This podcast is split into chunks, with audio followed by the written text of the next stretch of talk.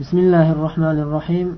إن الحمد لله نحمده ونستعينه ونستغفره ونعوذ بالله من شرور أنفسنا وسيئات أعمالنا. من يهده الله فلا مضل له ومن يضلل فلا هادي له وأشهد أن لا إله إلا الله وحده لا شريك له وأشهد أن محمدا عبده ورسوله صلى الله عليه وعلى آله وصحبه وسلم تسليما كثيرا. أما بعد assalomu alaykum va rahmatullohi va barakatuh. Allohga hamdlar bo'lsinki hammamizni alloh taolo islom diniga hidoyat qilgan. Islom diniga hidoyat qilganligi eng katta eng buyuk ne'mat. Islom dinining qadriga yetishimiz kerak. Islom dinining qadriga yetmaslik oqibatida kelajak avlodlarimiz islomdan uzoqlashib ketib qoladi. Bunga dalolat qiladigan dalillar juda ko'p oyat va hadislar. Ayni shu ma'noga ishora qilib umar roziyallohu anhudan rivoyat kelgan bilasizlar eshitgan bo'lsanglar kerak. Islomning arqonlari birma bir uzilib uzilib ketaveradi. Agar bu islom dinida johiliyatning naqadar ham ziyonli ekanligini bilmaydigan avlodlar o'sib chiqsa bu islom arqonlari birdan birdan uzilib uzilib islom dinidan uzoqlashib ketib qolinadi degan ma'noda umar roziyallohu anhu ummatga nasihat qilib islom dinining naqadar ham zarurligini va johiliyat naqadar ham ziyonli ekanligini o'rganib o'rgatib borishimizga da'vat qilganlar nasihat qilganlar. Islom dini eng oson din eng yengil din eng ochiq oydin din. Hammamizga bu narsa ma'lum. Islom dinining xususiyatlarini ulamolar zikr qilishganda bir qancha narsani aytishadi shulardan ba'zilarini eslab o'tib keyin asosiy mavzuga kiramiz. Islom dinining xususiyatlaridan biri insonning tabiatiga fitratiga mos keladigan din. Inson zoti o'zi tug'ilganda tavallud topgan lahzasida o'zi fitrati mana shu islom diniga mos bo'lgan holatda tug'iladi. Agar hech kim tashqi xorijiy sabablar uni turli xil adashilib ketadigan yo'llarga tortmasa inson o'zi ollohni tanib toza fitrat bilan o'sadigan bo'ladi. Shuning uchun rasululloh sollallohu alayhi vasallam sahih hadisda nima dedilar? Har bir tavallud topayotgan yosh bola islomda tug'iladi dedilar. Yana hadis qudsiyda rasululloh sollallohu alayhi vasallam xabar berdilar. Alloh taolo aytdiki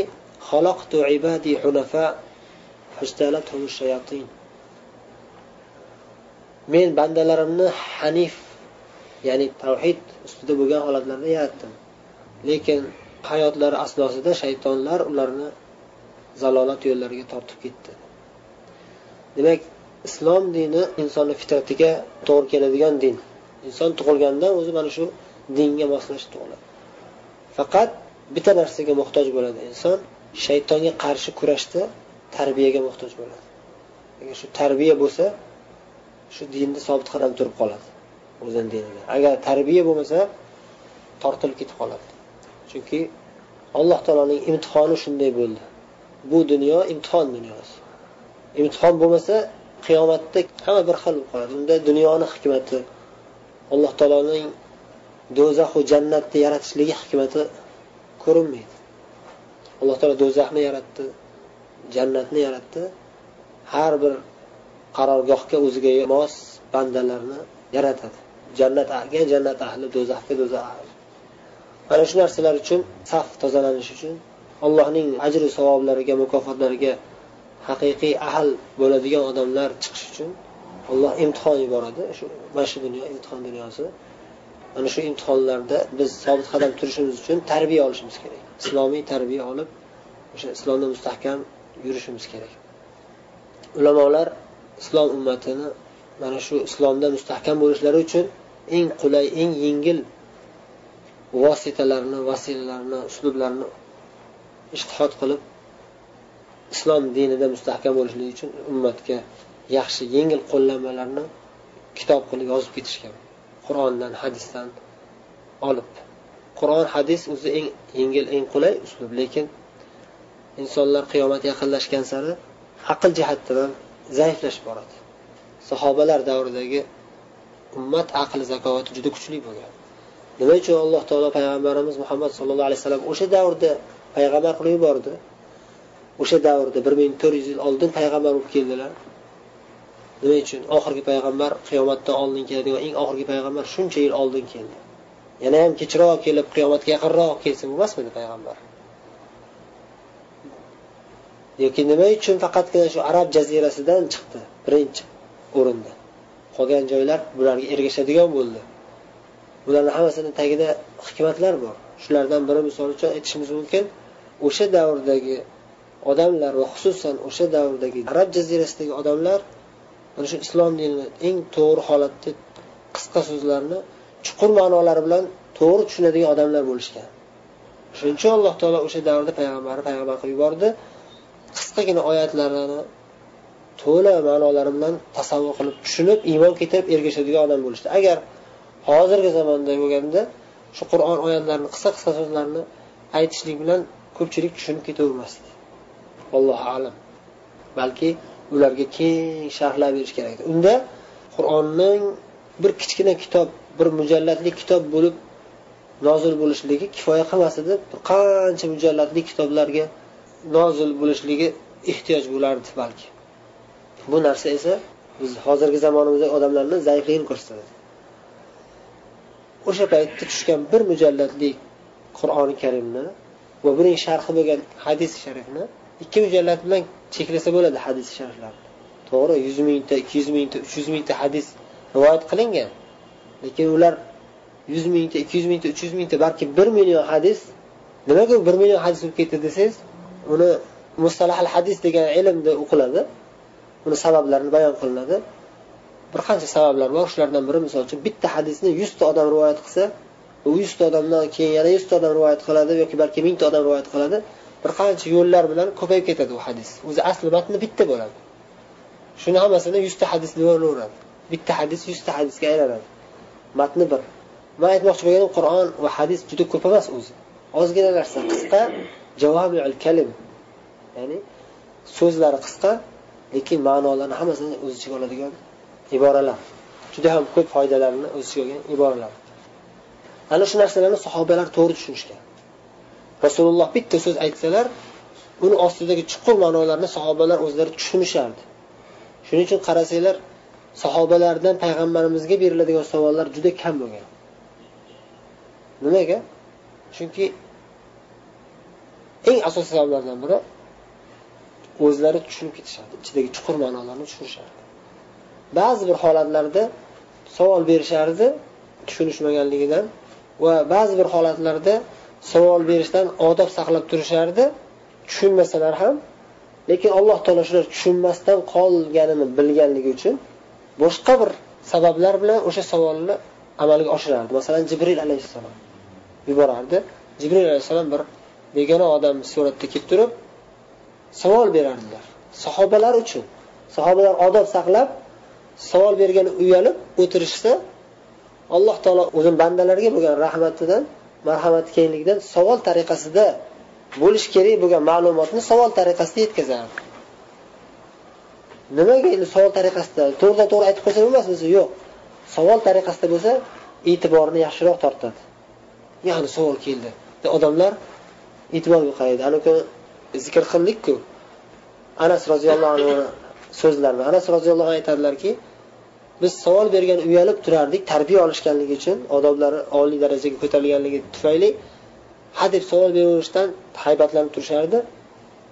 Lekin umid qilishardiki hali tarbiya topmagan bir arobiy odam kelsayu satta savol bersa payg'ambarimizdan biz ilm olsak shu savolni javoblarini eshitib degan orzular bo'lardi. Shu narsa ko'p o'rinlarda amalga oshardi. Allohni taqdiri bilan maqsad alloh taolo bu ummatga kerakli bo'lgan ma'lumotlarni albatta yetkazardi. Va o'sha narsa hammasi qur'on hadis ichida bor. Tafsila kulli shay. Hamma narsani tafsiloti bor bayonot bor. Faqat uni kim tushunadi? O'sha davrdagi sahobalar tushunishgan.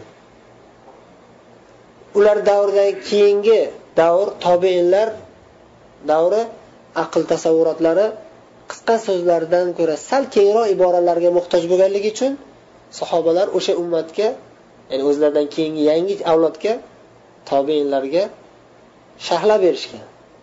Shuning uchun sahobalarning so'zlari ham bizga nima bo'ldi? Alohida bir ilm bo'ldi tafsilot. Qur'on hadisni biz kim orqali o'rganamiz? Sahobalarning tafsirlari orqali yana ko'proq o'rganamiz. To'g'ridan to'g'ri o'qisak ba'zi joylarni tushunmaymizda sahobalarga murojaat qilsak bir qancha joylari ravshanlashadi.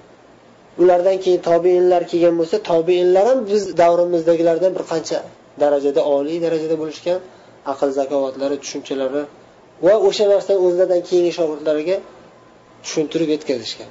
Demak har bir zamonda o'ziga yarasha kamchiliklari bo'lgani uchun o'sha zamondan sal oldinroqda o'tgan ustozlar ulamolar o'zlaridan keyingi chiqayotgan yangi avlodga kengroq qilib yengilroq qilib tushuntirib berishardi. Vaqt o'tib yillar o'tib o'sha qur'on hadisni qanday qilib islom ummatiga to'g'ri va mufassal tarzda tushunish uchun kitoblar yozsak bo'larkan deb ulamolar ishtihod qilishib yengilroq kitoblar yozishgan. Qur'on hadisni tushunish uchun qur'on hadisdagi chuqur ilmlarni o'rgatish uchun yengil yengil kitoblar yozishgan eng zarur joylarni tanlab odamlarga. Ba'zilar aqida ilmida ba'zilar hadis ilmida. Ba'zilar odob ilmida va hokazo biz endi hozir mana shu kunlarda fursatdan foydalanib ana shu kitoblardan bittasini o'qib chiqsak ham har holda hech bo'lmadi deganda bitta kitobni o'qib mukammal suratda boshidan oxirigacha o'qib tugatdik desak juda katta yutuq bo'ladi. Va bu kitob bir marta o'qigan bo'lsanglar ikki marta o'qish kerak. Ikki marta o'qigan bo'lsanglar uch marta o'qish kerak.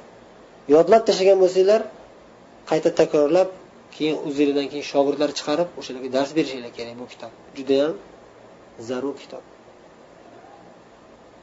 U ham bo'lsa arbaina navoiy degan nom bilan mashhur bo'lgan qirq ikki hadis bo'lgan imom navoiy shu hadis shariflarni ichidan eng zarur hadis deb bilgan ichida juda ham ko'pdan ko'p ma'nolar bor deb bilgan qirq ikkita hadisni to'plab bitta kichkina bir kitobcha qilganlar o'qishdan keyinroq kelgan ibn rajab unga yana sakkizta hadis qo'shib ellikta hadis qilganlar. Ellikta hadisni bitta kitob qilib sharhlaganlar. Nima oti? Jamiul ulum val hikam fi sharhi xamsina hadisan min jawami'il kalim. Jamiul ulum val hikam. Ilmlar va hikmatlarni jam qiluvchi ellikta javomiul kalimdan bo'lgan hadis shariflarning sharhi deganlar. Bu mujalladli kitob. Kitobni ahamiyati haqida qushdan keyin kelgan ulamolar she'rlar yozishgan. Oltin tillolardan qimmat kitobdir. Xullas kalom biz sharhi o'qiy olmaymiz lekin bir shu ellikta hadisni o'zini o'qib chiqsak ham ichida juda ham ko'p hikmatlar bor. Tushunganlarimizni tushunib o'rganib hayotimizda tadbiq qilsak inshaalloh baxt saodatga erishamiz.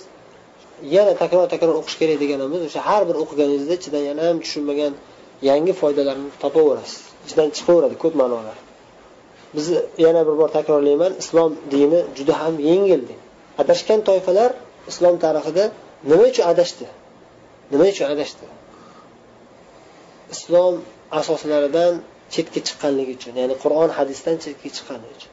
Agar qur'on hadisdan chetga chiqmasdan shuni o'zi bilan kifoyalangan sahobalardan o'rgansa edi adashib ketmas edi. Kerak bo'lmagan narsalarga aralashaverib o'zini o'zi adashtirdi ko'pchilik adashgan toifalar. Xoh jahmiyalar bo'lsin xoh. Mo'tazilalar bo'lsin havorijlar bo'lsin. Hozirgi davrimizdagi adashayotganlar ham ana shu odamlardan ta'sirlangan o'sha falsafalardan o'sha asosiy sababi qur'on hadis bilan kifoyalanib shu narsa menga baxt saodat deb e'tiqod qilmaslik. Endi mana shu narsalar ham kerak. Hamma narsa qur'onda bo'lishi mumkin emas degan tasavvurdan kelib chiqadida shu narsalarni ham o'qishimiz kerak deb o'qiydida keyin uni ichidan chiqadigan ba'zi bir o'zi bilmagan zaharlardan ta'sirlanadi. Keyin qur'on hadisda bunaqa bunaqa bu qanaqa bo'lgan deb keyin qur'onni burushga o'tadi. Qur'onni ma'nolarini burushga o'tadi. O'zi sahobalarni tafsiri bor tobe tafsiri bor ular bilan kifoyalanmasdan boshqacha ma'nolarga burishga o'tib ketib qoladi. Natijada adashib ketib qoladi.